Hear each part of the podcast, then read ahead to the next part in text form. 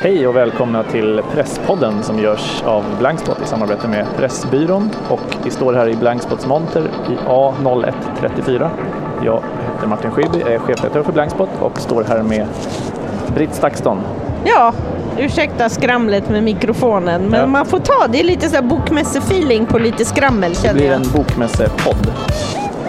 Vi kommer snart gästas av eh, Karin Linder som är generalsekreterare på Biblioteksföreningen och Mm. innan dess på eh, Nationalmuseum och DIK, Ja. fackförbundet. Säkert massa annat spännande också. Eh, Ja, Britt, bokmässa. Ja, Ja, fest med bokmässa känner jag faktiskt. ja.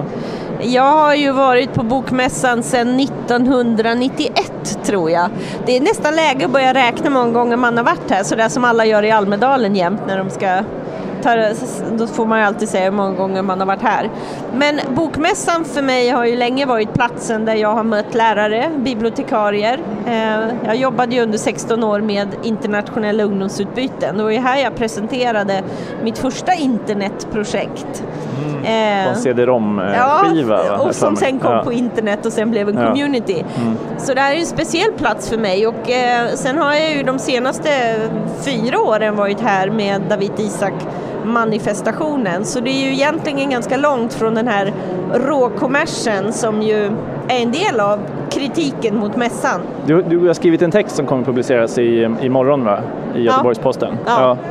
Där du försöker samla tankarna inför att åka till, eller vara här på Bokmässan. Ja, Ännu en text om Bokmässan. ja den satt långt inne kan jag säga. Ja. Men eh, det är ändå just i relation till att bokmässan för mig alltid har varit och extra så i år en, en plats dit jag vill åka till eh, för att få kraft från alla andra som också är oroliga för hur eh, demokratin utvecklas. Ehm, och ehm, att eh, Men du är, du är som jag först- förstått dig så, så menar ju du att vi måste ta lite höjd och fundera över vad vi egentligen ägnat de sista 420 dagarna åt att debattera Ja. varat eller icke varat på Bokmässan. Ja. Att eh, du pratade igår också, så jämförde med IS. Mm. Kan du inte berätta? Ja, nej men eh, det här med att jag hoppas att vi imorgon skulle undvika att ta en, en massa bilder. Eh, nej, på lördag är det ju som demonstrationerna em, eh, kommer att ske för att vi då hjälper till att berätta eh, det är, ett, det är ju ett eh, terroristspråk som används helt enkelt. Och där använder jag IS-jämförelsen över det misstag som jag tycker man gjorde från eh, eh, redaktionen när man så ofta och så mycket valde att publicera bilderna på de journalister på väg till sin avrättning sekunderna innan de avrättades på knä i orangea dräkter i, i sanddynerna eh, istället för att visa de här personerna på fält. Ehm, det kan finnas en, en, det finns säkert en massa nyhetsrelevans att göra det vid något tillfälle men inte hela tiden när man ska berätta om det här. Ehm, det fanns ju årssummeringar som gjorde när James Foley hade avrättats som ju var den första journalisten och att då välja att summera året och det hot som har funnits med journalister med en sådan bild det är ju att springa terroristpropagandans ärenden. Det, det förstärker och, och mm, ja, då bidrar man till precis det de ville. Och, och jag gör då den jämförelsen med att det är ju nästan svårt att värja sig från den här otroligt sociala medieanpassade våldsestetiken som de här eh, antidemokratiska extremiströrelserna har, extremrörelserna har. Mm-hmm. Mm. Så att min uppmaning är att helt enkelt eh, inte ta bilder. Nej. Och lyfta varandra också, Ja. lyfta bra saker som, som görs och Ja. lyfta varandras bra projekt här på mässan. Eh, Jag satt i förmiddags och läste ur Anne Franks dagbok i en maratonläsning som Svenska PEN och eh, Berättarministeriet gör. Eh, Ett, också exempel på allting som, som växer fram här. Ja. Eh, Och det ska bli spännande att prata med Karin Linder om det också. Ja. Eftersom hon redan är här, så Ja. vad säger du? Vi välkomnar Vi, eh, henne in i samtalet. Hej Karin! Hej! Vi har ju påat dig lite här om din eh, bakgrund och när man då blir påmind om både DIK och Nationalmuseum och nu Biblioteksföreningen så känns det ju som det här är ju en hemmaarena för dig. Ja, det är det. Det är faktiskt mitt nionde år nu på raken. Men det finns ju de som har varit här i 30 år. Så jag är fortfarande junior i sammanhanget. Ja. Men jag vet att du idag har deltagit i en diskussion om bibliotek och demokratin som är ju din, eh, ditt hemmaområde nu mm. som generalsekreterare på Biblioteksföreningen. Mm. Vi hade ett samtal i morse väldigt tidigt, faktiskt då inte på bokmässan utan på MEG, men eh, lite svårt att se var gränsen gick däremellan kan vi säga. Eh, som handlade mycket om ehm, Eh, hur medier förändrar samhället och eh, vad är medier överhuvudtaget och vilka, vilka institutioner har vi som kan vara med och stötta upp när, eh, när vi behöver lära oss att hantera medier, när medborgaren egentligen behöver en liksom ständigt pågående utbildning för att hantera, eh, inte bara att läsa en skönlitterär bok utan eh, hela paketet som följer med sociala medier, internet, sökkritik, eh, filterbubblor, så vi började, vi rivstartade i morse med det. En, en tanke utifrån, jag som inte är så inne i de här eh, bibliotekssvängarna eh, som Britt pratar jättemycket om biblioteken och så här. Men eh, ibland känns det som att biblioteken ska lösa alla våra problem. Mm. Att vad det än är så, ja, men biblioteken tar den mm. bollen.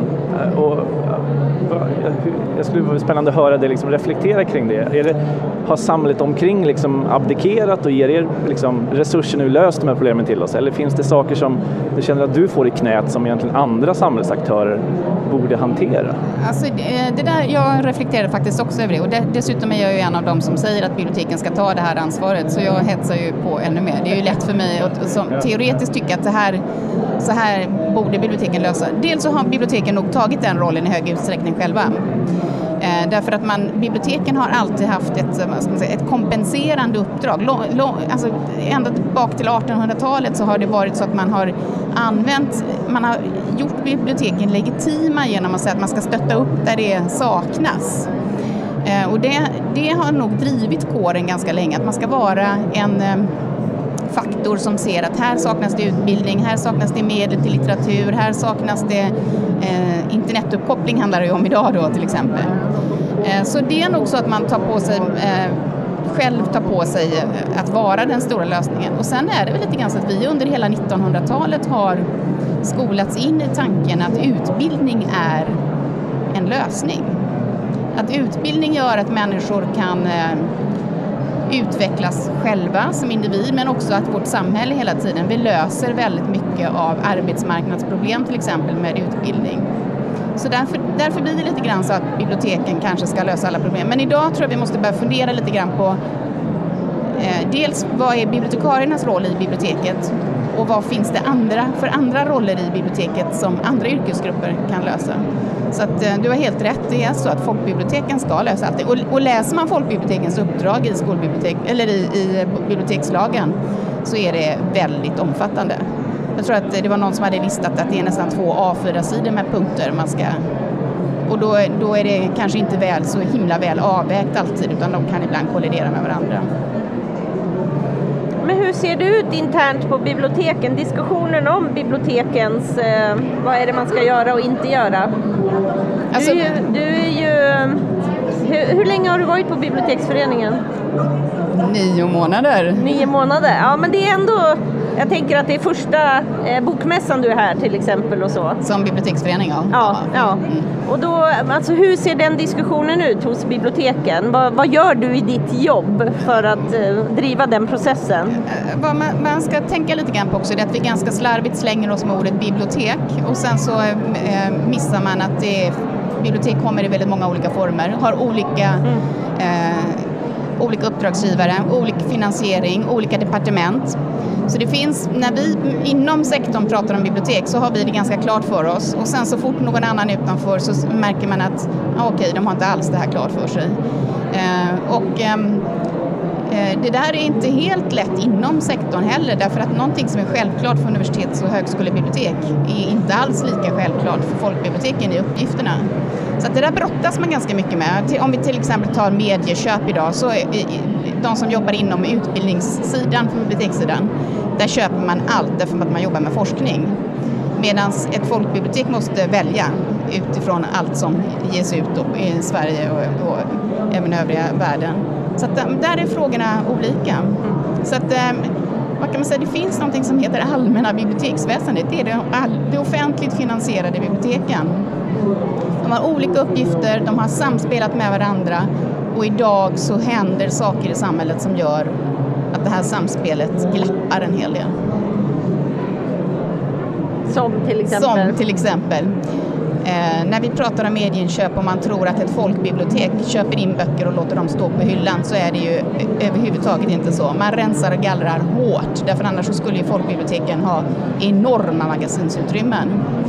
Det enda bibliotek i Sverige som gör det idag är Kungliga biblioteket och Lunds universitetsbibliotek och sen så finns det andra högskolebibliotek som också har uppdrag men de har rätt att gallra. Så det här bevarandet liksom att jag, jag är karaktäriserad av mitt bibliotek. Det är två bibliotek i Sverige som har det. Eh, och det där eh, har också funnits ett system där man har kunnat fjärrlåna av varandra. Finns det ett, eh, eh, ett behov av en bok så kan man, om man inte har köpt in det själv, låna av någon annan. Och det där är, blir problematiskt idag när det gäller e-böcker till exempel. På grund av upphovsrätt, så fort du skickar en kopia så har du gjort en, har du gjort en kopia. Så det, det, ja, tekniken stoppar lite grann men också att det faktiskt händer väldigt mycket i, i samhället som är både bra och dåligt. Och det, det naturligtvis med att folkbiblioteken lever mitt i där så, så kan det skava lite grann. Också att man måste ompröva sin roll. Idag är det väl så att folkbiblioteken i hög utsträckning funderar på vad, hur ska vi tolka lagen och vårt uppdrag. Ett av mina liksom, starka biblioteksminnen apropå nya roller. Jag minns när typ nätet kom och man gick i gymnasiet och så här, man hade inte det hemma så fick jag höra att det fanns på stadsbiblioteket i Stockholm att där hade de internet. Det var kanske 93 eller 94 och man gick den där liksom långa trappan upp och så var det på något litet, som ett podium så satt en bibliotekarie med en dator. Så kunde man liksom sätta sig bredvid och så fick man säga jag vill söka på det här. Alltså liksom, sa bibliotekarien, du kan söka på vad du vill i hela världen. Alltså liksom, skulle man komma på något bra ord då att söka på. Så jag sökte någon så veganska recept eller någonting. Sen så fick jag olika träffar och så skrev de ut liksom, recept. Fem träffar på den tiden? Ja, men jag vet inte, men det var ändå fantastiskt. Och så fick jag med mig papper och så gick jag ner för den långa trappan. Det var så här Fick du lära dig då alla sök, eh, hur man avgränsar en sökning? Ja, jag minns inte, men det var ganska så liksom, mm. tidigt. Eh, ja, det var, ja, ganska häftigt. Ja, alltså, ja. Att jobba nära en bibliotekarie ja. eller att följa en bibliotekarie kan ju vara en, otrolig upplevelse. Jag fick, fick eh, följa en bibliotekarie på eh, Mälardalens eh, sjukhusbibliotek. Hur de jobbar jättenära läkarna för att hitta rätt diagnos på patienter. Mm. Och hur de sitter och söker i flera olika databaser på olika språk. Och då, då är det liksom två professioner som, som tajmar med varandra och som behöver varandra. Det är, ganska, det är liksom inget så här, här har du din bok, gå hem och läs, utan det är avancerat informationssökande och där man också kan värdera den information man får upp. Så det är inte bara, ah, vi fick tre träffar här, nu kan du gå hem, utan den här träffen ska vi inte använda. Eh, den här kunde vi använt för två år sedan, men den är inte... Alltså, så det handlar otroligt mycket om värdering av information som bibliotekarierna sysslar med idag. Jag har ju skrivit ett eh, omvärlds, i den omvärldsanalys som eh, har kommit för den nationella biblioteksstrategin. Ja, precis. den heter Den femte statsmakten, ja. Vi, och i, men i den texten... Varför skrattar ni åt det här? Är det ett knäppt ord, eller? Ja, men det den, borde ju vara den fjärde statsmakten. Ja. ja. ja. Jo, ja. Men vi har accepterat att det är den femte statsmakten. Femte kolonnen. Ja. ja. Femte Nej, nu ska vi inte gå den. Men i den äh, texten så refererar jag just till ett sjukhusbibliotek. Äh, för precis det sätt som du beskriver det samspelet som är mellan läkaren och bibliotekarien i det fallet. Jag tror att den sortens kunskap och det liksom gemensamma pusslandet kan man också idag göra på folkbiblioteken. Ja, men det, det är så man måste eh, tänka. Och det, vi pratade faktiskt om det i morse när vi hade vårt rivstartssamtal där. Att, um, idag så ser samhället helt annorlunda ut än att man har en, en bok eller en tidning eller ett spel som man hjälper ehm, låntagaren att hitta. Idag handlar det också väldigt mycket mer om att man ska hantera det man tar med sig hem. Och det behövde man kanske inte göra i den utsträckningen tidigare. Man gick hem och läste sin bok, så kanske man kom tillbaka och diskuterade eller man gick med i en bokklubb eller, eller så vidare. Men idag måste du ju verkligen lära dig att vara, ha ett kritiskt förhållningssätt och då kritiskt på så sätt att du kan värdera vad det är du får. Inte att du ska säga det här är dåligt, det här är dåligt, jag har rätt till min egen åsikt. Utan bara vad ska man säga då, akademiskt kritisk till vad du kommer fram till. Det, det, var, det, det, var, det, det var det som vi, vi pratade mycket och vi tog faktiskt utgångspunkt i din artikel. Åh, oh, vad roligt! Ja, ja. Så att, eh, men och, och, vad du också lyfter är väldigt, väldigt bra. Det här är det, ett av hoten är att man har det här minnet av att jag älskar bibliotek och det är nästan som en helgedom. Jag är ju museiman från början och där pratar man ju väldigt mycket om att det är templet, alltså att museet är templet. Det är ju bara dumt, hela den här. Vi är inte där längre. Det är lite roligare att få höra om att du gick och googlade veganrecept.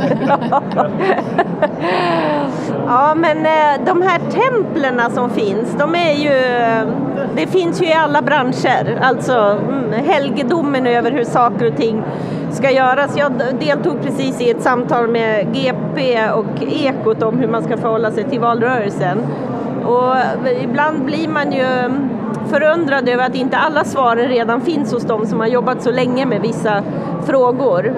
För att man borde se vilken utveckling som behöver göras, för vi har så många problem runt omkring oss. Men eh, det känns som att det är så lätt att gå vilse ifrån de här enkla sakerna som, ja men det gäller att få saker virala utan att man tänker en gång till och inser att ja men det är ju bara de här polariserade extremdiskussionerna som blir så här virala.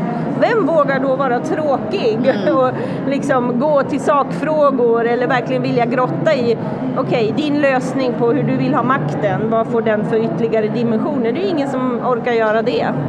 Men lite grann är det där också en eh, vad ska man säga, självbekräftande för vi säger nu att vi lever i eh, uppmärksamhetsekonomi.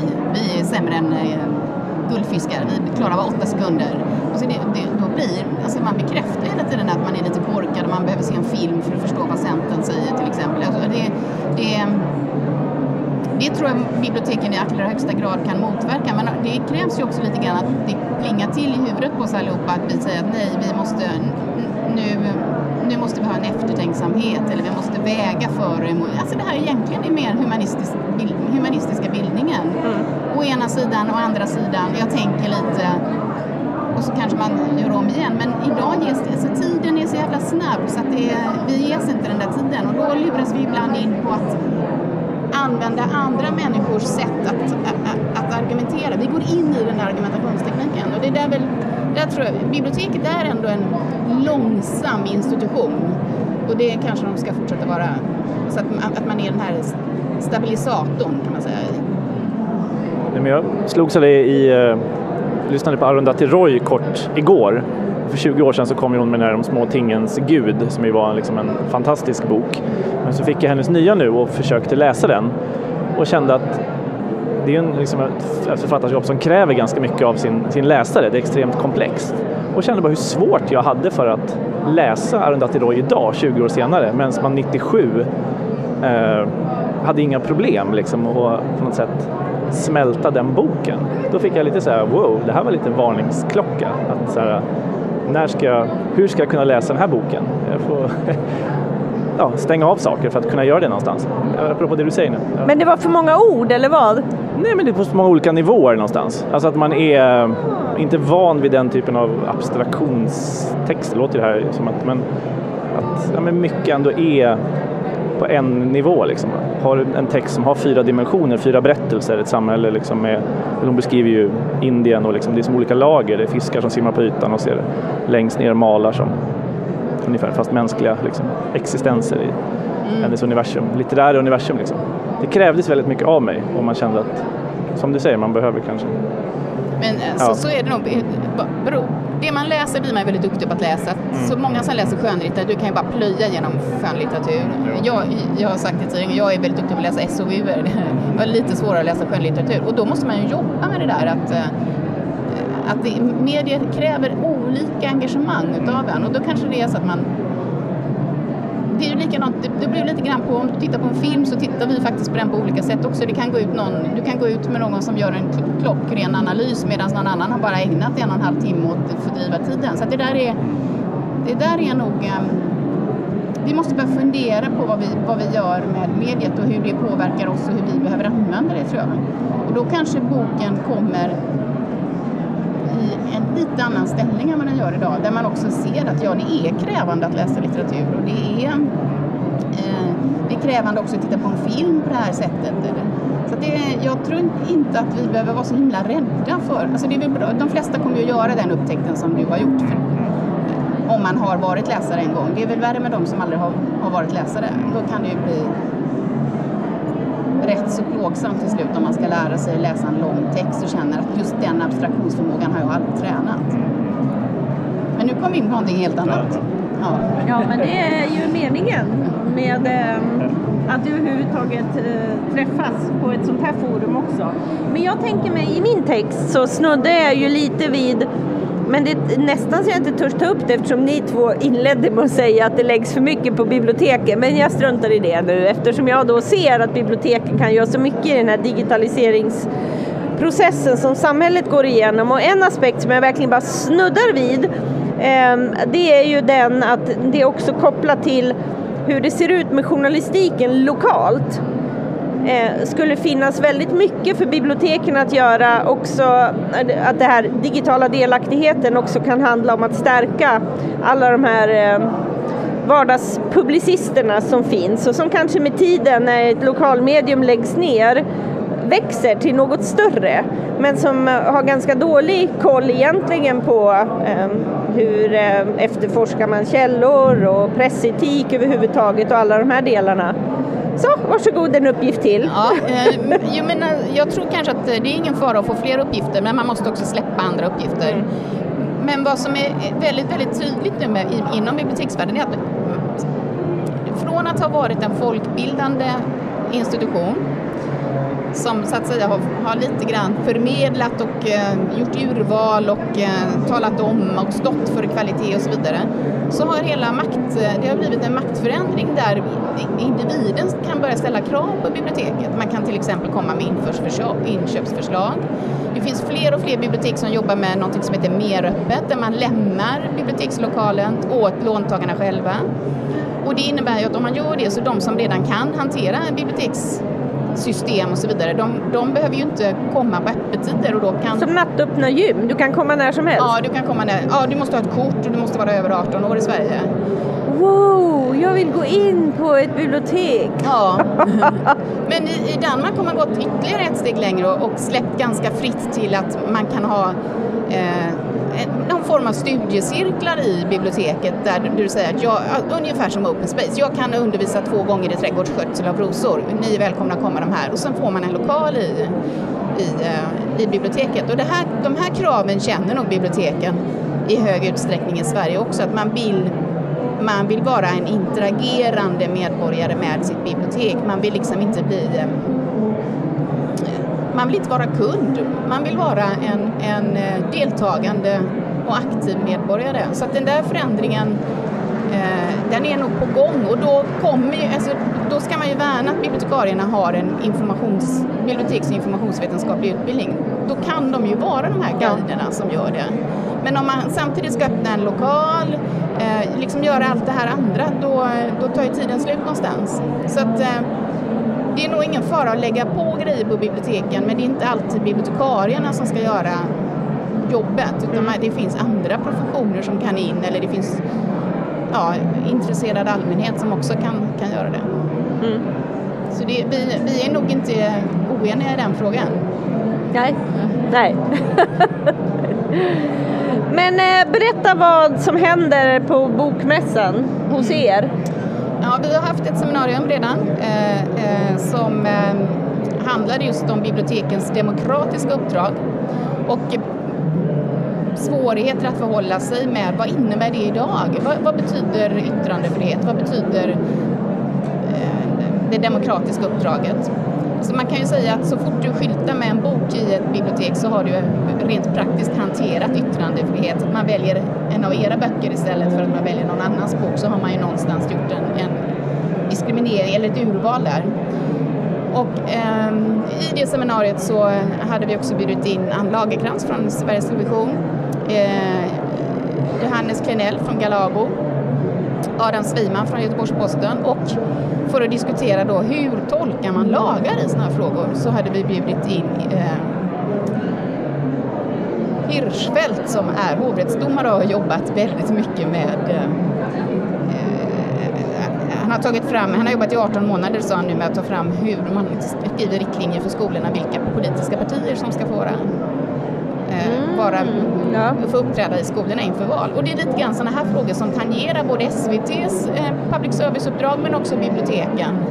Och vad är, det, vad, vad är det för ramar vi förhåller oss till och vad betyder representativ demokrati och sådär. Så att, eh, och det var ett väldigt bra seminarium. Men 45 minuter är liksom alltid 45 minuter. Vissa frågor kan man diskutera i flera dygn.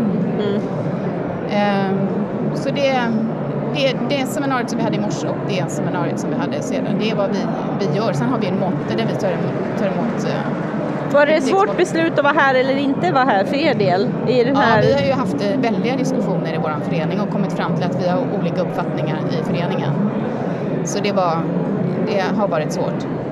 Ska inte du prata om ditt bibliotek? Har du inte drömbibliotek? Det här är mitt eh, fängelsebibliotek.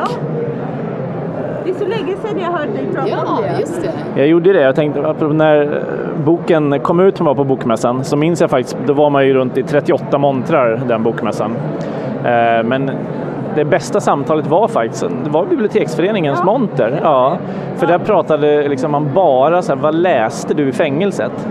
Och det var så skönt att inte så här behöva berätta allting från början och vad hände sen och vad gjorde man och så gick man dit och så ba, ba, ba. Utan bara så här, vad läste du i fängelset? Alltså bara prata om det. Jag minns det som befriande härligt eh, Men vad, vad händer seminarium. när man sitter så i fängelse och kan läsa? Vad händer? I... Alltså för det första är att man inte kan läsa. Alltså att man, eh, man är så van att alltid ha någonting att läsa. Så man börjar läsa på tandkrämstuber och på schampoflaskor och bara för att läsa någonting. Alltså Ja. man suktar efter, eh, efter text någonstans. Och, eh, nej, men också att man märkte där hur eh, just, liksom, frånvaron av litteratur, frånvaron av nyheter gjorde ju att man på sikt, man, man skrumpnade ju som tänkare. Att man också såg hur människor som pratade politik fördes bort eller att det blev liksom en rädslans, frånvaron av litteratur och allt möjligt gjorde någonting med alla människor där inne. Att, eh, väldigt utsatt för ryktespridning, väldigt utsatt för eh, ja, men olika vanföreställningar om vad som pågick från utsidan när det inte fanns någonting konkret att läsa. Inte få någon in Nej, nej och det... Folk kunde ju på allt från allt så knäppa grejer att ja, men Jesus hade sju bröder eller någonting. Så bara, men alltså, kan vi inte få tag i en bibel och reda ut det här? Liksom? Allt från sådana grejer till riktigt allvarliga grejer. Det är inbördeskrig på utsidan. Vi måste snart storma om fängelset. Eh, Men, eh, nej, men då hade vi en idé om att vi bad människor skicka böcker till oss och tänkte att vi vill bygga ett bibliotek eh, och fick ett jättegensvar. Så det kom ju så lådor med böcker och vi blev uppkallade till fängelsets censor som eh, plötsligt fick jättemycket att göra. Eh, Han är inte van att få den liksom, censurera så mycket material så, på alla möjliga språk och alla svenska sorterade han ju bort direkt. För det kunde han ju inte liksom, politiskt bedöma. Nej. Men sen hade han högar med så här godkänd litteratur och förbjuden litteratur och jag glömmer aldrig den där högen med förbjuden litteratur. Där låg då allting som han tyckte verkade misstänksamt. Som typ Robert Fisks bok The Age of the Warrior hade han lagt där. Det var så här, Ni är terrorister, vill ni en bok som heter Krigaren? Det här går inte. Men sen fick vi in så här Solzhenitsyn, eh, Kafka, George Orwell. Eh, ja, det var ju sånt som folk hade skickat till oss eh, som vi fick in så vi kunde liksom göra ett litet bibliotek där på golvet. Och, alltså bibliotek är ju, men använda det ordet fritt som du sa. Men hur, Eh, vad, vad börja händer? Liksom, kan man läsa det på samma sätt då? Eller läser man det för att, få, för att behålla sig Alltså det var ju klok?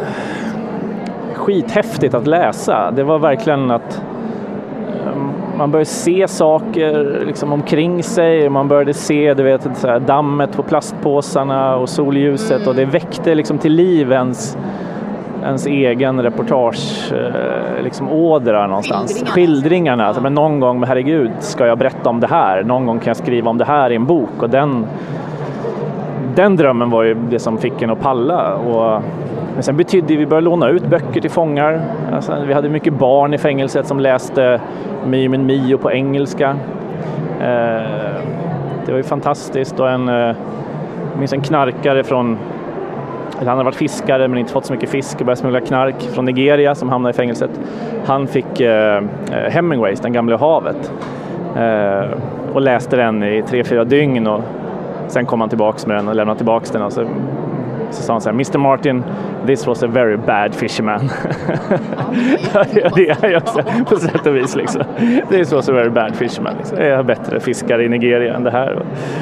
Uh, så att det gav också ja, men upphov till nya diskussioner där inne, litteraturen. Att det blev, man kunde prata fiske med honom, inte bara knark och brott och straff, utan vad hade han för båt? Liksom, hur tänkte han? Eh, och, ja, det var häftigt så. Men sen blev ju biblioteket blev ju en succé och fängelseledningen märkte ju att det pågick någonting där i hörnet och eh, till slut så blev vi anmälda för en bok som hade en karta och vi anklagades för att ha planerat olika saker. Och vi kände att det blev för farligt helt enkelt så vi fick avblåsa det och säga sluta skicka böcker. Det är liksom, vi har de vi har. Vi får, det var en balansgång hela tiden, mycket man skulle provocera och inte. Det blev en provokation nästan, att de uppfattade det som en mm.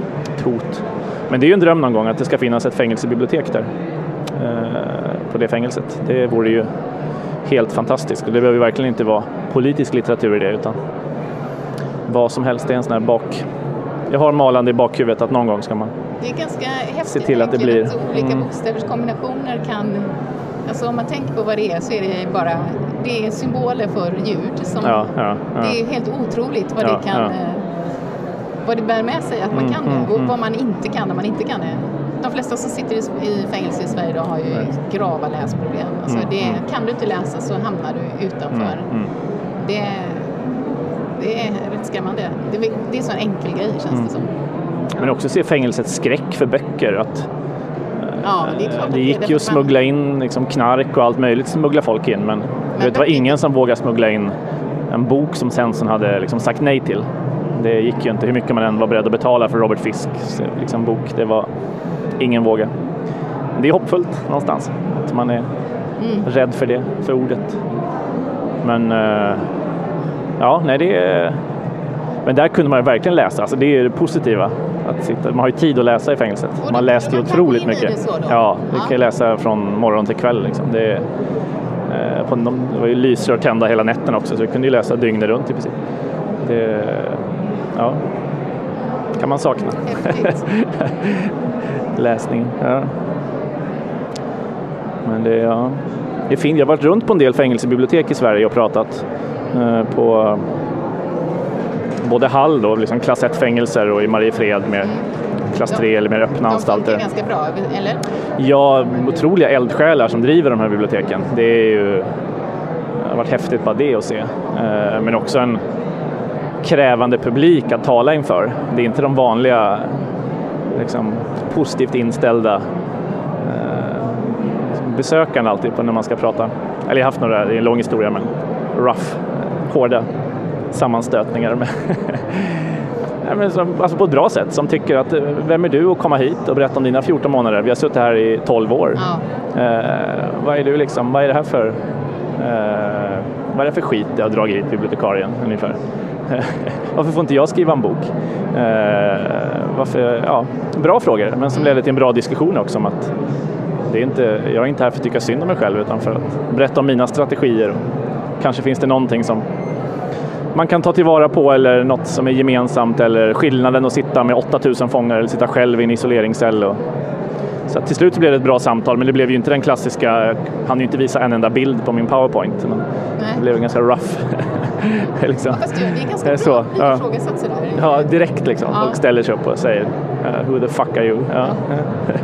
ja, det är bra. Kommer med ditt goda, ja. du har gjort någonting ja. lyckat så nu ska jag ja. dina fotspår. Ja, ja. Det. ja, men det är bra. Mest krävande publiken. Hall, klass 1.